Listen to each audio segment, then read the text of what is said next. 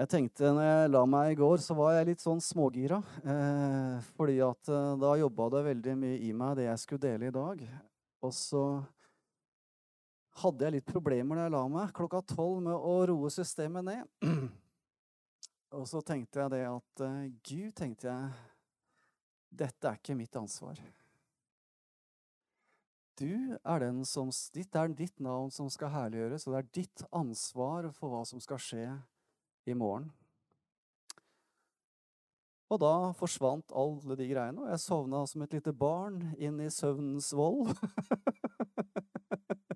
så jeg våkna klokka Så passe opp uthvilt her i dag tidlig. så jeg skal jo jeg skal jo bare dele et fantastisk budskap til dere. Det er bare så nydelig. Ikke fordi at jeg er så innmari til å preke, men Guds ord er voldsomt, ikke sant? Og fordi Den hellige ånd er her. Og det er jo Den hellige ånd som gjør dette levende for oss. Ikke, jeg skal ikke stå og prestere noe som helst. Jeg. jeg bare vet at Gud har noe for oss i dag. Og, og, og det jeg skal preke om, og det jeg skal undervise om, det er dåpen i Den hellige ånd. Ja, men trenger vi det, da? Ja? ja, vi trenger det, skjønner du. Fordi at eh, det er ikke alle som har fått del i dåpen i Den hellige ånd. Så av den grunn så trenger vi å undervise om det. Men det er en ting til. Selv om du har erfart dåpen i Den hellige ånd, så er det ikke sikkert at du benytter deg av den kraftkilden som Gud har lagt i ditt indre. Og vi kan gå med en dynamitt på innsiden, ueksplodert. En udetonert bombe som bare venter på å bli detonert. Men du skjønner det at det vi skal snakke om i dag, det er hvordan vi skal detonere den bomba. Slik at eh, om du har erfart dåpen Om det ikke har erfart dåpen i Den hellige ånd, så håper jeg inderlig at du i løpet av kvelden bare kjenner at det er noe som har blitt forløst i ditt liv i forhold til en fylde av Den hellige ånd. Og om du har erfart dåpen i Den hellige ånd for mange år siden, og du på en måte trenger et nytt sånn der giv i å bruke dette som Gud har lagt i ditt indre, den fylden av Guds kraft som Gud har lagt der, da håper jeg at dette her som vi skal snakke om i dag, kan være med å forløse deg og inspirere deg for å dra fra den kilden, altså. Amen! Amen! Så herlig. Og jeg har gått og tenkt litt på det som står i Efeserbrevet. Og eh, kjære deg, altså. Den står ikke på lista di, Henrik, akkurat dette bibelverset her. Så vi får ta men jeg må bare ta det, for jeg tenkte altså, vi, må bli, vi må jo få dette her forløst. Vi kan ikke bare gå med denne skatten på innsiden og ikke få den forløst.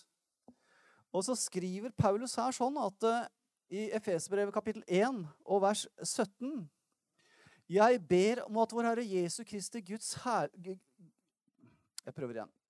Jeg ber om at vår Herre Jesu Kristi Gud, herlighetens Far, må gi dere visdoms- og åpenbaringsånd i erkjennelse av Ham, og at deres forstands øyne blir opplyst, slik at dere kan forstå hvilket håp dere fikk ved Hans kall, og hvor rik på herlighet Hans arv er i de hellige, og forstå hvor overveldende stor Hans kraft er i oss som tror. Ikke for oss, men i oss som tror. Det er det som står i flere og andre oversettelser. I oss som tror, etter virkningen av Hans mektige kraft.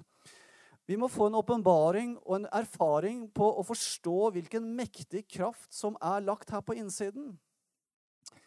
Og Jesus sa jo Nei, jeg kan ikke bare Jeg må bare eh, Kjære Jesus. Gud, nå må du la dette komme i den rekkefølgen som du vil, Herre. Eh,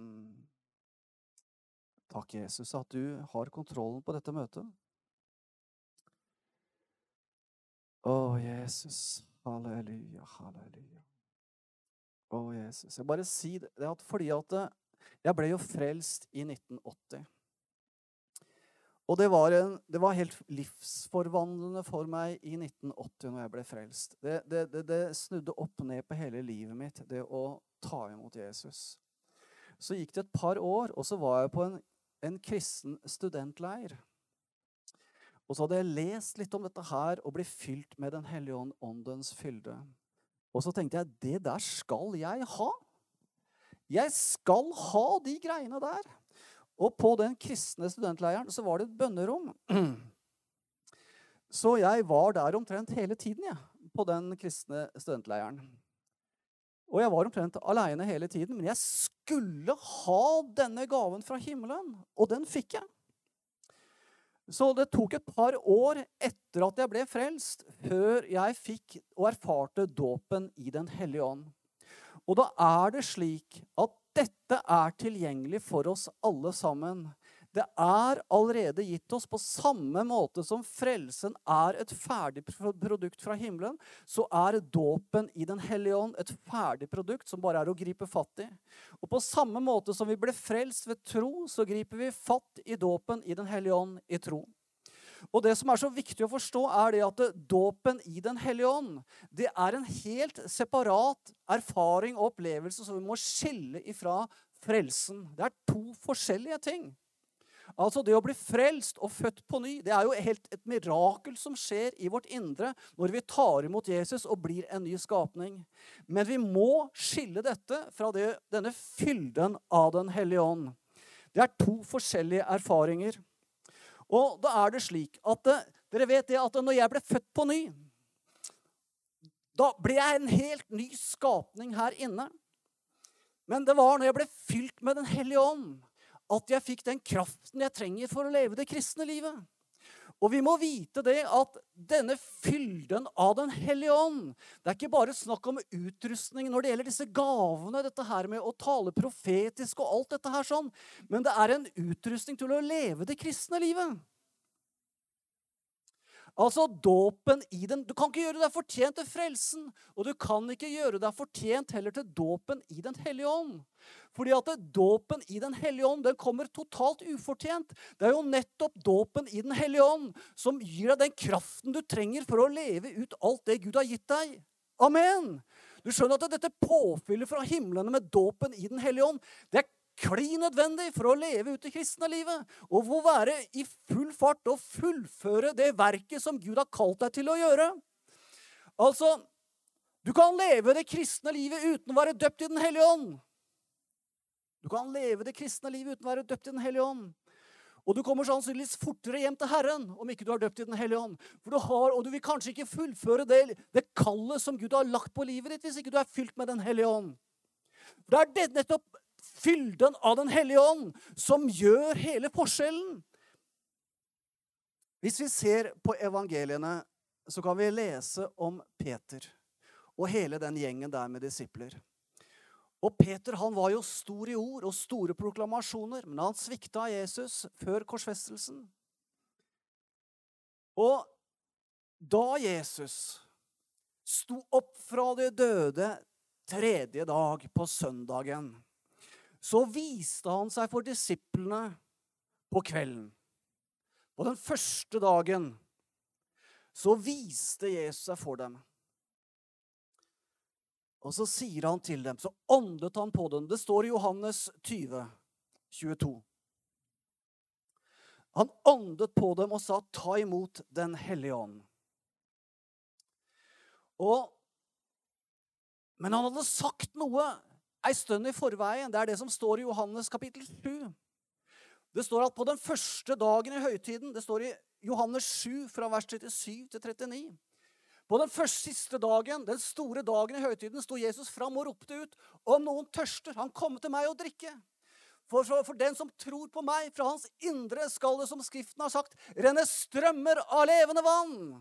Dette sa han om den ånd de som trodde på ham, skulle få. For ånden var ennå ikke kommet, fordi Jesus ennå ikke hadde fått del i herligheten. Det var noe som skulle komme, skjønner dere.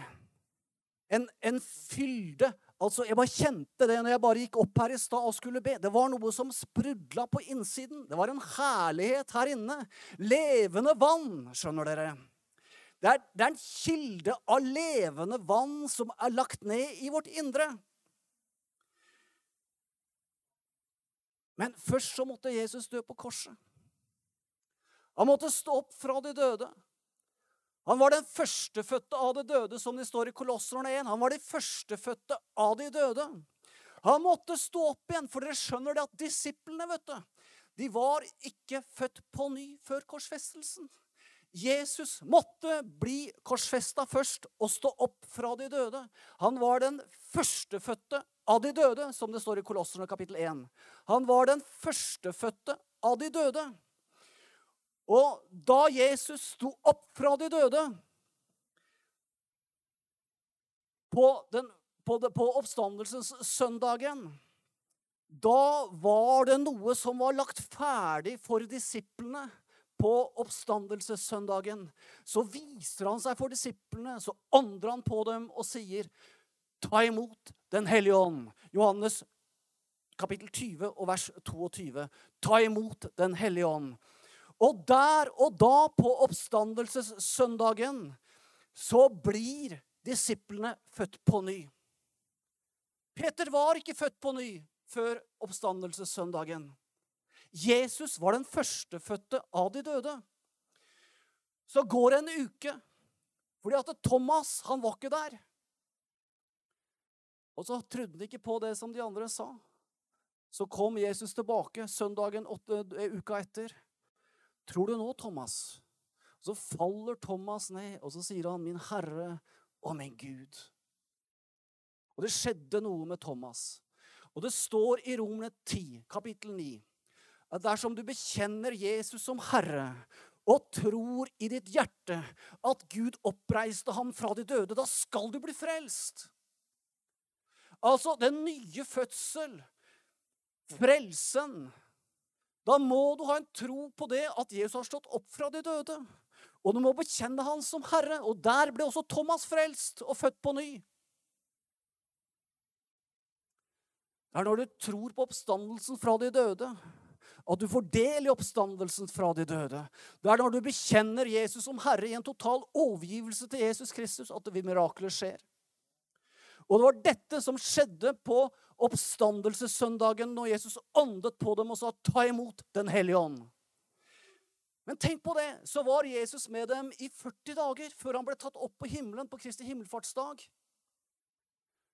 så er han i Jerusalem. Det er dette som står om i uh, Apostlenes gjerninger, kapittel 1. Og Vi skal se det som står her sånn. For vi må skille mellom frelsen og fylden og dåpen i Den hellige ånd. Dette er herlig pinseforkynnelse, vet du. Amen. Og der står det i Apostlenes gjerninger, kapittel 1. Åh, Jesus, Jesus, hjelp meg fra vers 4. Og da han var sammen med dem, befalte han dem ikke å forlate Jerusalem, men vente på hans fars løfte, det som dere har hørt av meg.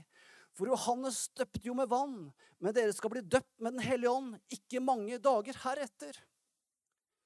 Altså, Jesus sa jo på oppstandelsessøndagen 'ta imot Den hellige ånd'. Der skjedde den nye fødselen for Peter og de andre gutta. Og de damene som var med også. Men allikevel så sa Jesus det er noe mer, sa han. Det er en kraft fra det høye. Det er en, en, fylde av Den hellige ånd som dere ennå ikke har erfart. Og dette skal dere få tak i nå. Dere må bare vente ei stund i Jerusalem. Og så står det her sånn i vers 8.: Men dere skal få kraft når Den hellige ånd kommer over dere, og dere skal være vitner om meg i Jerusalem og i hele Judea og Samaria og helt til jordens ender. Dere skal få kraft. Dere skal få kraft. Dere skal få kraft. Og det ordet som er brukt, det er dynamisk, det er gresk.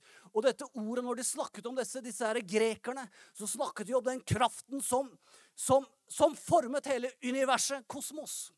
Det er det som ligger i den kraften som står. Dere skal få kraft når Den hellige ånd kommer over dere. Og det er den samme kraften som kommer over dere skjønner dere, når du tar imot dåpen i Den hellige ånd. Som det er den samme kraften som skapte universet, som tar bolig inni deg og meg. Amen. Og dette er en sånn kraft til tjeneste. Og det er ikke bare en kraft til en tjeneste, men det er en kraft til å leve det kristne livet. Amen. Vi kan gå gjennom dette livet uten å få erfart dåpen i Den hellige ånd. Og da kommer du raskere hjem til Herren enn det du egentlig kanskje skulle ha gjort. Og Du får kanskje ikke fullført den tjenesten som Gud har kalt på ditt liv. For det er dåpen i Den hellige ånd som er utrustningen til å fullføre det Gud har lagt på ditt liv. Amen. Og så står det i Matteus 3,11 Det er døperen Johannes som sier det. Jeg døper dere med vann. Det kommer en som er etter meg, som er mye mektigere og sterkere enn meg. Jeg er ikke engang verdig til å løse sandalremmen hans. Han skal døpe dere med Den hellige ånd og ild. Han skal døpe dere med Den hellige ånd og ild. Han skal døpe oss med Den hellige ånd og ild. Og hvorfor står det Hellig ånd og ild? Hvorfor kunne det ikke bare stått 'Han skal døpe dere med Den hellige ånd', men det står Den hellige ånd og ild? Det er noe mer, skjønner du. Det er noe som ligger du, Dere skjønner det at når dere går inn Jeg husker Helge. For noen år siden så kom du bort til meg og sa Vet du hva som skjedde når Salomo innvia, innvia tempelet? Så sier han Herrens herlighet fylte hele tempelet. Herrens herlighet fylte hele Salomos tempel. Men dere skjønner det at når Salomo bygde det første tempelet, ca. for 1000, 1000, år før Kristus, det er, nesten, det er ca. 3000 år siden, da var det slik at de hadde masse okser og dyr. Det var flere tusen dyr som de ofret når de innvia tempelet. Men så står det at det for ut ild fra alteret og fortærte kjøttet. Og samtidig så fylte Herrens herlighet hele Salomos tempel. Så prestene kunne ikke være der fordi at herligheten var så mektig at de klarte ikke å være der. Det for ild ut av alteret og fortærte alle ofrene. Og det var det samme som skjedde med tabernakelet i ørkenen 500 år før. Da tabernakelet var ferdigbygget i tempelet, og Moses skulle innvie tabernakelet, så de hadde alle ofrene klar, så for det ild ut av alteret og fortærte offeret. Og så var det noe som skjedde, skjønner dere. Fordi at Arons to sønner de var ikke så nøye på det, så det står at de, de tente fremmed ild. Og hva er fremmed ild? Dere skjønner det at når det for ild ut av alteret når tabernakelet ble innviet i ørkenen ca. 1500 år før Kristus, så skulle de holde den ilden ved like. For det var en ild som var tent fra himmelen. skjønner dere. Det var en ild som var tent fra himmelen. Og da Arons sønner kom, så begynte de å tenne menneskelig ild. Og det var Guds vrede over dem. Og da for det ild ut av alteret på ny og fortærte begge sønnene til Aron. Og det samme skjedde når tempelet til Salmo ble innviet 500 år senere. Det for ild ut av alteret og fortærte kjøttet. Og så fylte Herrens herlige tempelet. Og dette er et bilde, skjønner dere, på det som skjedde på pinsedagen. Fordi at eh, nå bor ikke Gud lenger i templer bygd av hender. Men Gud bor i et tempel som er vår kropp, skjønner dere. Det er dette som står i 1. Korinterbrev kapittel 3. Vet dere ikke at dere er et tempel for Den hellige ånd, skriver Paulus. Deres kropp er et tempel for Den hellige ånd. Nå er det ikke slik at Guds herlighet troner i det indre i et tempel bygd ved menneskehender. Men Guds herlighet, den bor her inne i oss som er født på ny, og som har fått Den hellige ånds fylde. Skjønner dere? Amen. Guds herlighet har fylt meg. Han fylte meg totalt når jeg ble døpt i Den hellige ånd. Amen. Og Det er nesten 40 år siden. Han fylte meg med sin herlighet, skjønner dere. Men det kom også ut en ild fra alteret. Og dere skjønner det at når de satt der sammen, alle sammen, denne gjengen vet du, på pinsedagen, så satt de på øvre salen, og så står det at det kom tunger, liksom av ild, delte tunger, og satte seg på hver enkelt av dem. Og så ble de alle fylt med Den hellige ånd. Det du ser, skjønner du, det dere ser, er at det samme skjedde som da herligheten fylte tabernaklet. Og det var det samme som skjedde når herligheten fylte Salomos tempel. Ser dere det?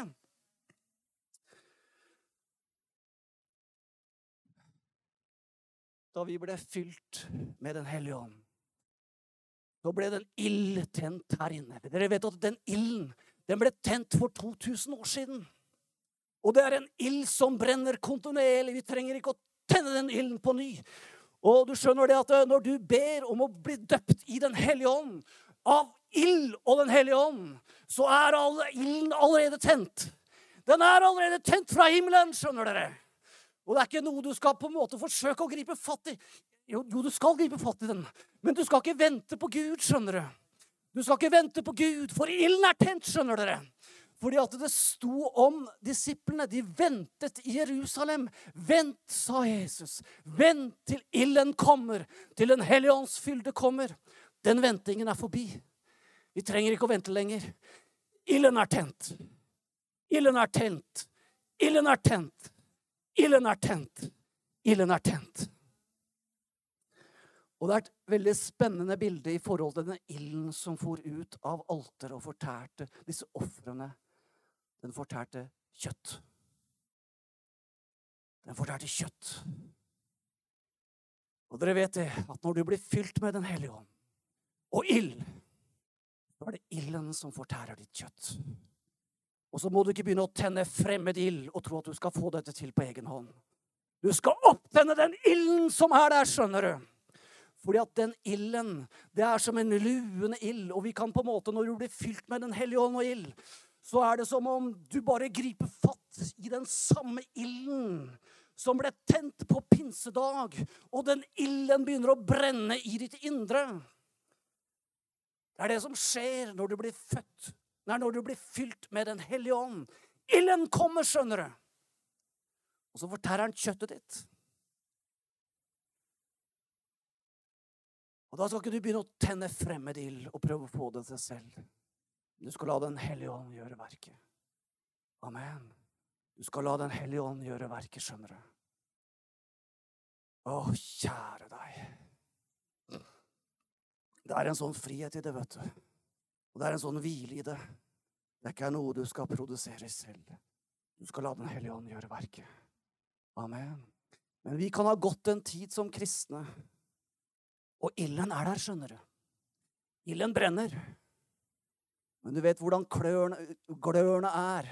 Når du har kull, vet du, så ser du det at Eller ved i, i, peisen eller i ovnen, så bare på en måte Så ser du at på en måte ilden den begynner å slokne, og så er det bare glør igjen som ligger der. Hvordan får du fyr på den? Du bare puster på den. Amen. Du blåser på den, og så tar det fyr igjen, ikke sant? Så du vet at ilden er der. Ilden er der. Den hellige ånd har tatt bolig i ditt indre med sin mektige hellige ånd og sin kraft fra himmelen. Ilden er der. Vi skal bare tenne det på nytt. Vi skal bare tenne det på nytt. Og hvordan skal vi tenne det? Ja, det er det jeg skal prate om i dag. Dette var bare innledningen. Amen. Å, Jesus, Jesus, Jesus. Halleluja. Å, Jesus. Dere vet det at eh, dåp Hva er dåp for noe? Hva betyr ordet dåp? Dere skjønner det at når de skulle oversette den Bibelen til engelsk, den første King James-versjonen som kom ut i 1611 Så oversatte de til engelsk. Så var det et gresk ord som ikke de oversatte. Baptiso. De tok og englifiserte ordet, så det ble 'baptize'. For du skjønner, det ordet betyr å drukne, senke ned i vann. Totalt overdekket av vann. Og det ordet var forbundet med død og ødeleggelse. Det er som når du senker et skip. Da døper du det skipet. Det drukner, det, synker, det senkes hav, til havets bønn. Så de oversatte ikke det ordet direkte, for det kunne de ikke, for da dreide de å stenke vann på hodet på noen små babyer. De kunne jo ikke oversette direkte, for da ble det jo gæren teologi for dem. vet du, ikke sant? Derfor så englifiserte de ordet. Baptize. Men ordet betyr å bli neddynket, totalt overskyllet, totalt mettet, puttet inn i. Og det er forskjellige former for dåp. Vet du hva den første dåpen som skjer, er at du blir puttet inn i Kristus. Du blir døpt til Kristus når du tar imot Jesus Kristus. Så er det dåpen i vann. Så er det dåpen i Den hellige ånd. Så er det den lidelsesdåpen som Jesus snakket om før korset. En dåp skal jeg døpes med, sier han. Kunne ikke vært vanndåpen. For han var allerede døpt i vann av døperen Johannes. En dåp skal jeg døpes med, og hvor jeg gruer for den som kommer. Det var lidelsesdåpen. Han skulle bli neddyppet i en enorm lidelse. så har du noe vi kan kalle en kjærlighetsdåp, som nesten er hvor du opplever Guds kjærlighet. Og det er veldig nært forbundet med dåpen i Den hellige ånd.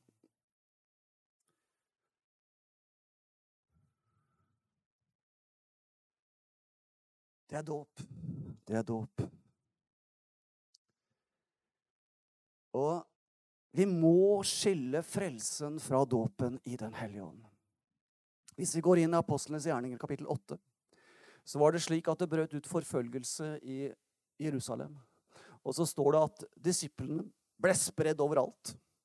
Og Philip kom til Samaria. Tenk på det. En jøde kom til Samaria, det var jo jødenes fiender. Det var jo så foraktet folk av jødene. Philip kom til Samaria, og så begynte han å preke evangeliet for dem. Og så står det at mange kom til troen, og de ble døpt i vann. Så står det her i Apostlenes gjerninger kapittel 8, og fra vers 14, 15 og 16 vi skal lese det. Da apostlene i Jerusalem hørte at Samaria hadde tatt imot Guds ord, sendte de Peter og Johannes til dem. Og 15. Da de var kommet ned, ba de for dem at de skulle få Den hellige ånd. For ennå var han ikke falt på noen av dem. De var bare blitt døpt til Herren Jesu navn. De var frelst. De var født på ny.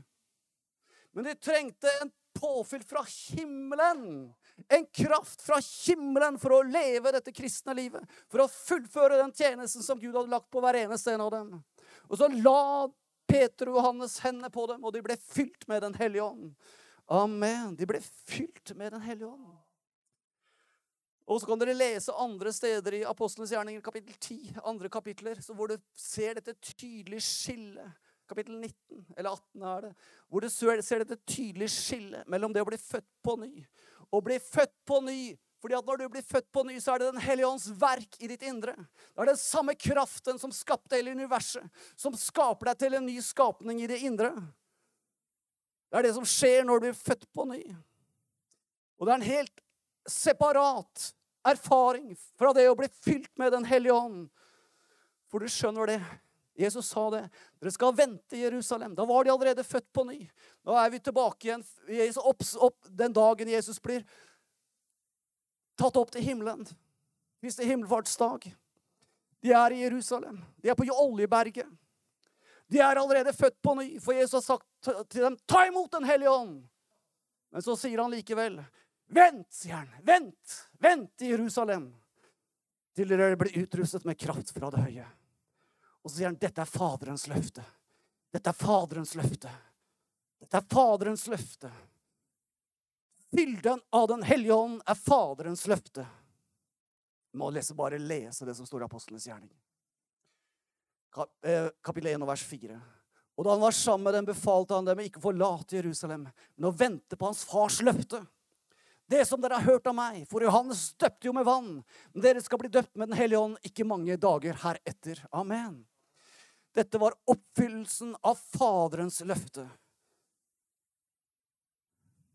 Du skjønner det at uh, Gud, vet du, i Jesus Kristus Han fødte deg ikke bare på ny. Han gjorde deg ikke bare til en ny skapning her inne, hvor du har fått del i guddommelig natur. Men han fylte på med sin kraft for å sette deg i stand til å leve det livet som han kalte deg til å leve. For å sette deg i stand til å utføre den tjenesten som Gud har kalt nettopp deg. Amen. Du vet, Gud gjør ikke noe halvveis. Han gjør det fullkomment og helt. Så skriver Paulus til Timoteus. Derfor 2. Timoteus 1,6. Derfor minner jeg deg om å vekke Guds nådegave til liv igjen. Den som er i deg ved at jeg la hendene mine på deg. Amen. Da Paulus la hendene på Timoteus Han ble fylt med Den hellige ånd. Han ble døpt i Den hellige ånd og ild. Og så sier han, vekk den til liv igjen. Tenn den på ny. Da var det vel såpass mange ting som kom imot Timoteus, at han ble litt motløs og lei. Men så sier bare Paulus, tenn på ny. Tenn vekk ilden opp igjen. Fordi at det, egentlig så trenger du ikke å tenne den på ny. Du skal bare få litt fart inn, skjønner du. For den ligger der og ulmer. Du skal få litt fart i den ilden som er i ditt indre. Du trenger ikke å tenne den på ny. Derfor er det egentlig bedre det som står her i denne Bibelen, Guds ord. Vekk den! For ilden er der, skjønner du. Ilden er der. Og dere vet det at eh, når vi da ber om å få Den hellige ånds fylde, så er det jo slik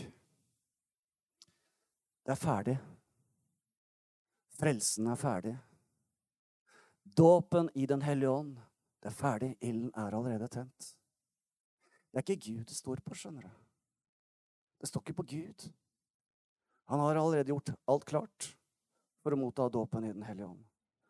På samme måte som du tar imot frelsen, så tar du imot dåpen i Den hellige ånd i tro. Du kan ikke gjøre deg fortjent til dåpen i Den hellige ånd. Det er, akkurat det, som skal gjøre, det er jo akkurat dåpen i Den hellige ånd som gjør at du kan begynne å leve et skikkeligere liv. Amen. Det er jo kraft fra det høye til å leve kristenlivet. Fordi at det er ikke bare snakk om at det er en utrustning til tjeneste.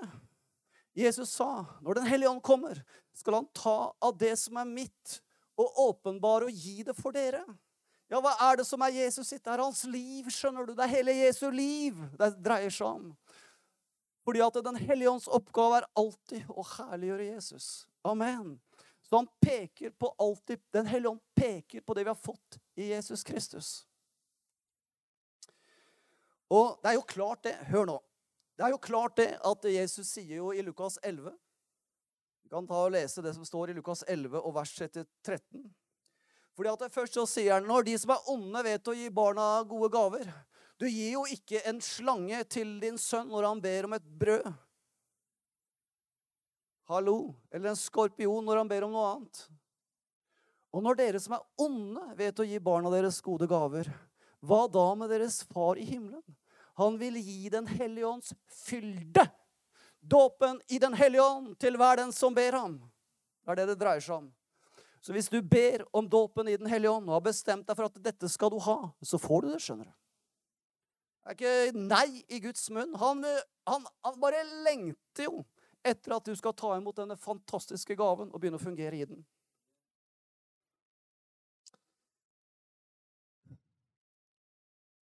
Vil du ha det? Og Hvis ikke du har fått det, så er det tid for å få det. Men så er det greia, vet du. Fordi at vi som har erfart dåpen i Den hellige ånd Bruker vi kraften? Har vi, har vi, bruker vi den kraften som Gud har lagt her inne? Eller er det bare som en sånn, der, eh, sånn glødende kull som ligger der og blir, venter på å bli blåst liv igjen? Og det jeg skal snakke om nå, er hvordan du skal blåse livet igjen. Amen. Jeg trengte dette for min egen del. Åh, jeg trengte det. Jeg trengte å blåse liv i den der gloa igjen, altså. Kjære deg. Og jeg opplevde sånn uh, I høst Da var en del ting som hadde gått litt skeis. Også jeg skulle pusse opp fasaden på huset. Så hadde jeg vondt i begge armene. Og så var det regnvær dag etter dag. Og jeg måtte bare se og få gjort den veggen ferdig. Hadde så liten lyst når jeg sto på morgenen, å gå ut i det regnværet omkring ja, noen få varmegrader hølja ned. Så hadde jeg vondt i armene på toppen av alt. Og vet du hva jeg måtte gjøre? Før jeg kom i gang der ute. Jeg måtte ta en runde og be i tunger. Og Jeg har opplevd så mange ganger på forskjellige områder i mitt liv når det er ting som er vanskelig å gå inn i. Når det er tunget tak, sånn som oppe på kontoret. Det er ikke alltid det er like gøy å sitte her med regnskap. Det kan være litt sånn trått innimellom. Og så tar jeg meg en runde på gulvet. Så ber jeg i tunger. Du skjønner at det forløser noe i livet ditt. Så hvis du er blitt motløs og kjemper litt med det du driver med, ta en runde og be i tunger. Og Nå skal jeg vise dere noen hemmeligheter i forhold til det å be i tunger. Som er bare vidunderlige sannheter i Guds ord. Fordi at eh, det er så fort gjort at For det første Når du tar imot dåpen i Den hellige ånd. Tegnet på det, Et av tegnene på det er jo nettopp å be i tunger. Og når jeg søkte dåpen i Den hellige ånd for 40 år siden, i, to, i 1982, tror jeg det var. Tror det var da. Så tenkte jeg dette skal jeg ha. Og det som kom, var jo tungetale. Og vi kan tenke som så når de første tungene kommer, at ja, men er dette av Gud, eller er det menneskelig språk, eller hva er det for noe egentlig? Men du, skal du drive og bedømme det ut fra menneskelige forutsetninger? Om dette er et englespråk eller et menneskelig språk? Tror du at du har forstand og evne til å bedømme om det er et ordentlig språk eller ikke? Kan du bedømme om dette er et englespråk? Har du forstand og kunnskap og bakgrunn for å vurdere det? Så Du skal, du kan ikke gå etter dine følelser. vet du hva? Det, det, det, er, det er menneskelig språk på denne kloden som, hvor de plystrer til hverandre når de kommuniserer. Og det er menneskelig språk på denne kloden hvor de har laget klikkelyder med tungen for å kommunisere med hverandre. Tenk hvor vanskelig det er å oversette Bibelen da. Men de har gjort det. De har klart å oversette Bibelen til et klikkespråk og til et plystrespråk. Ikke skjønner jeg hvordan de skal ha gjort det. Så du vet at vi kan vurdere når vi får tungetale, så kan vi tenke nei, men dette er jo bare rør. Dette er jo tomme ord. Hvilken forutsetning har du for å vurdere det? Ja? Ingen verdens ting, skal jeg fortelle deg. Du må bare kaste deg utpå skjønner du, når du kjenner at de får de første ordene. Amen, Du bare kaster deg utpå, og så tenker du ja, dette er de første ordene, men jeg skal jammen ha flere. Jeg bare prøver å kaste meg utpå. Og så må du kutte litt ut den der toppen. Og ikke, ikke drive og vurdere de ordene du får, men du må bare kaste deg utpå. Bruke det. Og har du år, så har du bare fått to år, så bruk de to ordene til bare, så bare smukk, så bare løsner hele greia. Så kommer det som en foss. Men om vi har vært frelst en stund, da, så kan det jo være i perioder hvor ikke vi bruker tungene så veldig mye. Kan jo være det. Og hvorfor har Gud gitt oss disse tungene? Hvorfor har han gitt oss disse tungene? Vi skal slå opp i første kor, kapittel 14. kan lese det som står i kapittel 14 og vers 2 først. For den som taler i en tunge, taler ikke for mennesker, men for Gud. For ingen forstår ham, men han taler hemmeligheter i ånden. Når du ber i tunger, så taler ikke du ut ifra din Du ber ikke ut ifra din forstand. Vet du hva du gjør? Du ber ut ifra din ånd.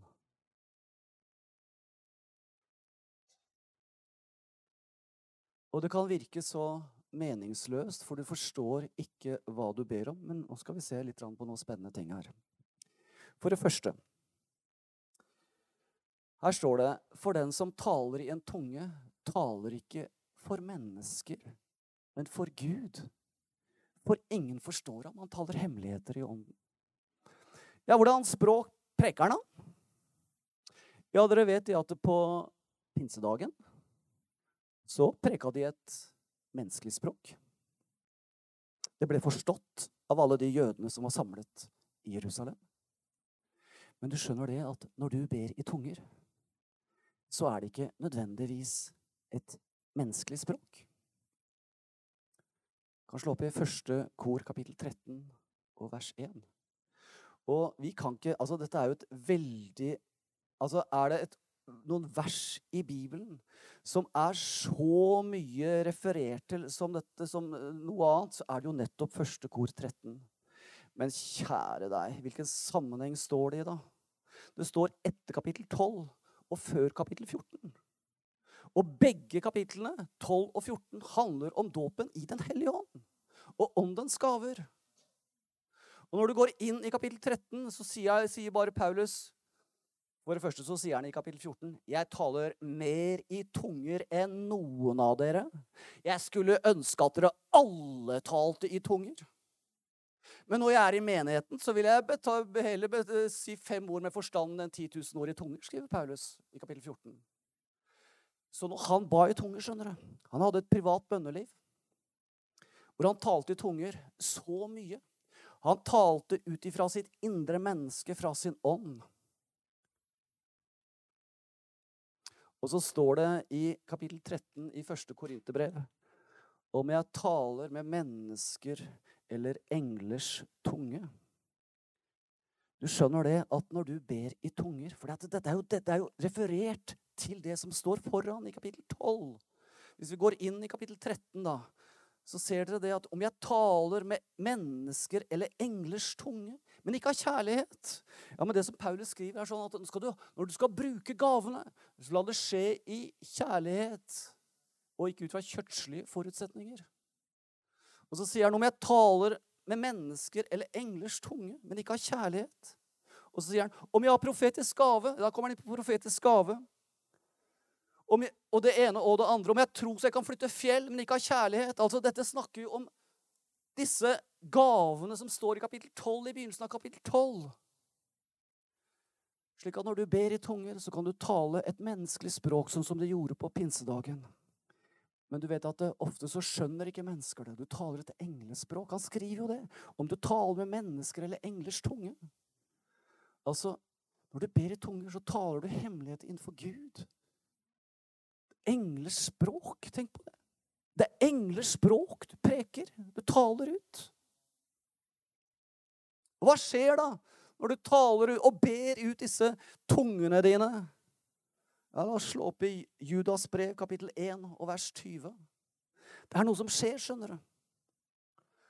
Og Det er der vi må på en måte vekke opp ilden på nytt igjen. I Judas brev, kapittel 1 og vers 20. Der står det Men dere elskede, idet dere oppbygger dere selv på deres høyhellige tro, I det dere ber i Den hellige ånd Altså når du bruker tungene dine, så ber du i Den hellige ånd. Det er din ånd som ber. Og du bygger opp din tro. Du skjønner at du, Da begynner du ikke å leve etter din forstand og din menneskelige begrensning. Men du kobler deg på troen skjønner du, når du ber i tunger. Du kommer deg inn i troens liv. Amen. Inn i troens liv. Fordi at du kobler deg. Du forløser troen i ditt indre. Og det er troen som gjør forandringen, skjønner du. Det er troen som gjør forandringen i ditt liv. Når vi ber i tunger, så oppbygger vi oss selv i vår høyhellige tro, skriver Judas. Og Det er det samme som Paulus skriver i første kor 14,4. Der skriver 'Den som taler' Første kor 14,4. Den som taler i tunger, oppbygger seg selv. Når du taler i tunger, oppbygger du deg selv. Ja, hvordan da? Du forløser troen. Du bygger opp din høyhellige tro. Amen! Jo, men når jeg ber, da Jeg syns det er så meningsløst å bare gå der og be i tunger. Og jeg syns tida går så innmari sakte. Ja, men hør nå. Paulus sier noe mer. Du kan be om tydning, skjønner du. Kan jeg det? Ja, du kan be om tydning, skjønner du. Og da Da blir det spennende, skjønner du. Fordi at eh, du kan prise Herren, du, i norske ord. Men så kan du gå og be dette englespråket som Gud har gitt deg. Og så kan du be Gud, hva er det jeg ber ut nå av? Og da kan ikke du stoppe å be i tunger og få en sånn tydning på norsk. Du kjenner det, du forstår, du forstår tungene dine, skjønner du. Og vet du hva, når du, når du bare går og ber i tunger Jeg bare opplever det at når jeg går og ber i tunger, det er så mye lovprisning til Gud. vet du. Der jeg hadde holdt opp for uh, noen minutter siden, så, eller uh, lenge siden for så vidt, da kan jeg bare fortsette å be i tunger, for jeg kjenner at det er en lovprisning til Gud som blir forløst. Jeg bare kjenner at det er noe som kommer fra mitt indre menneske i min ånd. Det er en forløsning som kommer, skjønner du. Det er en lovprisning til Gud. Fordi at du kan ta salmevers og bibelvers og be ut lovprisning til Gud. Men du skjønner det at når du ber i tunger, så er du som du er innenfor himmelen sammen med engleskarene og lovpriser den allmektige Gud. Amen! Og da kan du koble deg på den strømmen som du bare kjenner i ditt hjerte, som bare strekker seg inn for Guds trone i lovprisning og tilbedelse. Amen! Og du skjønner det at Da blir det spennende å be i tunger. vet Du Du må finne ut hva er det du egentlig driver med. skjønner du? Og ikke tenke som så at ja, men har dette noen hensikt? Nei, du skjønner at du ber ut. Du ber ut guddommelige hemmeligheter for ditt eget liv. Du ber ut lovprisning og tilbedelse for Gud. Og jeg gikk her sånn oppe i stad og ba ut i tunger, og så bare kjente jeg hva er det jeg ber for noe nå? Bare kom med en gang. Herliggjør ditt navn, Jesus. Herliggjør ditt navn, Jesus. Herliggjør ditt navn, Jesus. Og så kommer det tanker. Du kan be om tolkning, skjønner du. Og du får et bilde her inne. Du kan be for mennesker. Jeg ba for eh, et menneske her i forrige uke. Forrige uke. Hva er det jeg ber for nå, tenkte jeg på. Kjente jeg løfter den byrden vekk. Jeg løfter den byrden vekk. Det kommer med en gang. vet du. Skjønner dere det? Og nå vet du, nå går vi inn på områder hvor vi taler hemmeligheter med Gud. vet du. Amen. Det er jo det som Paulus skriver. Vi taler hemmeligheter med Gud. Og når vi da bruker tungene våre Det er så mange som lar bare tungene slumre. Vi er døpt. Vi har fått del i denne enorme gaven fra himmelen. Og så lar vi det bare slumre. Vi må ikke det. Vi skal, det på, vi skal vekke det opp på nytt. Vi skal bruke tungene våre, skjønner du. Det er det som skjer når vi bruker tungene våre. Det er, et, det er, det er bare så reint. Det kommer fra ditt indre menneske. Og når du bruker tungene, så er det noe mer som skjer. Ilden tar fatt igjen, skjønner du. Ilden begynner å brenne ikke sånn skikkelig. Den tar ordentlig fyr. Det er ikke bare noe glør som er her inne, men det tar ordentlig fyr.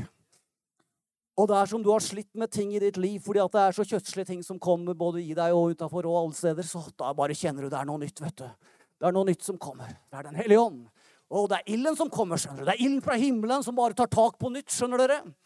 Amen! Og da skjønner du, da er det noe nytt som kommer. Da er det en ny giv som kommer. skjønner du. Og da tenker du ikke ork, Orker jeg dette her lenger? Dette er slitsomt, altså. Jeg tror ikke jeg orker det lenger. Nei da. Skjønner du det? At det er en sånn derre I Jesu navn, jeg tar det! Amen! Skjønner du? Det er noe som bare reiser seg i ditt indre. Å, du skal bare ta det, skjønner du. Amen. Halleluja. Å, vet du hva? Å, Jesus, er dette Gud har for oss. Og da, skjønner du Da går vi ikke bare rundt og babler i løse lufta lenger. Men vi tar tak, skjønner du. Vi tar tak i ting i livene våre. Vi bare begynner, Det er en ny forløsning i lovprisning og tilbedelse til himmelens Gud. Det er en ny, nytt fokus, hvor det er Jesus som skal herliggjøres, og ikke deg eller meg. Amen. Jesus som skal herliggjøres. Amen. Å, Jesus, Jesus. Nå skal jeg gå inn for landing her.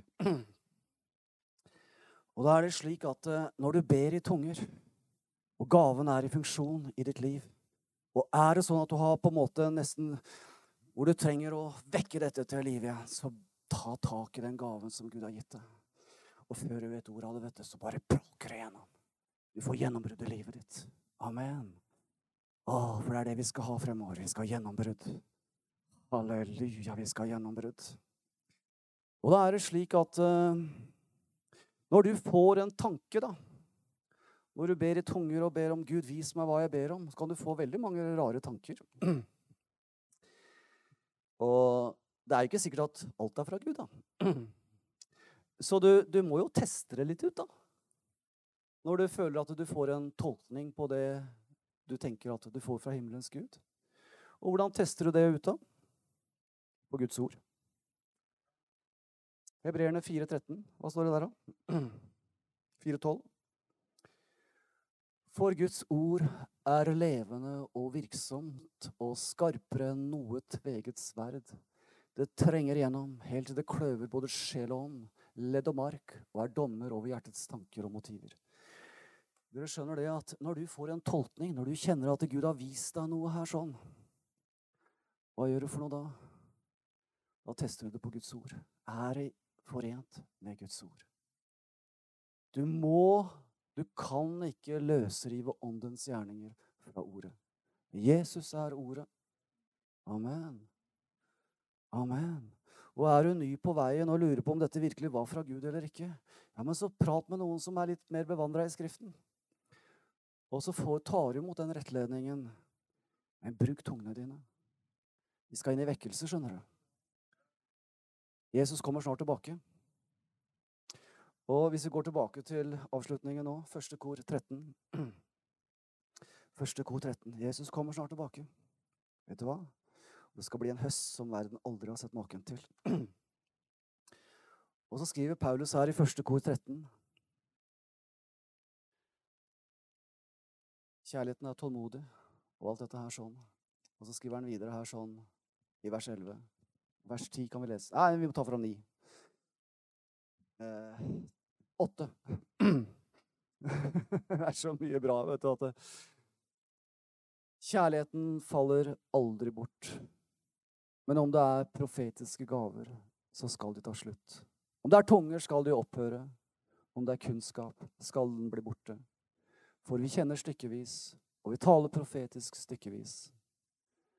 Men når det fullkomne kommer, når det fullkomne kommer, da skal det som er stykkevis, ta slutt. Da jeg var barn, talte jeg som et barn, og jeg forsto som et barn, og tenkte som et barn.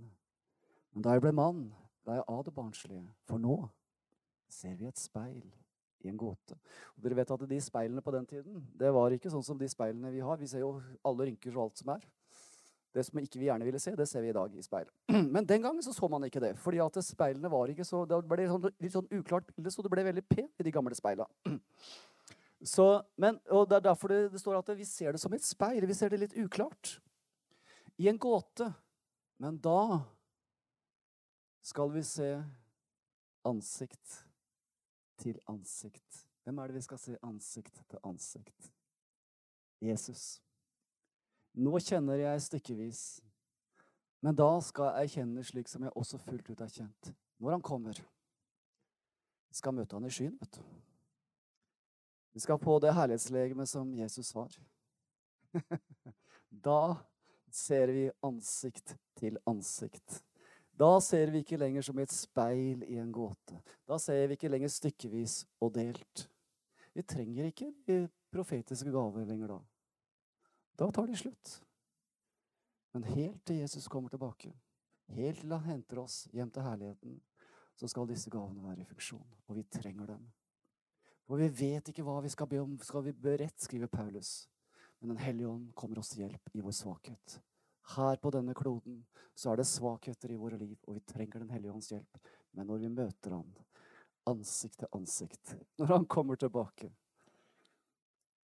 da er det fullkomment. Da er det ikke lenger noen svakheter i mitt liv eller i ditt liv. Da skal vi se han som han er.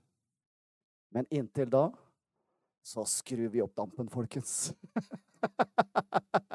vi skrur opp dampen, og så vekker vi til live alt det som Gud har gitt oss gjennom dåpen i Den hellige ånd. Amen.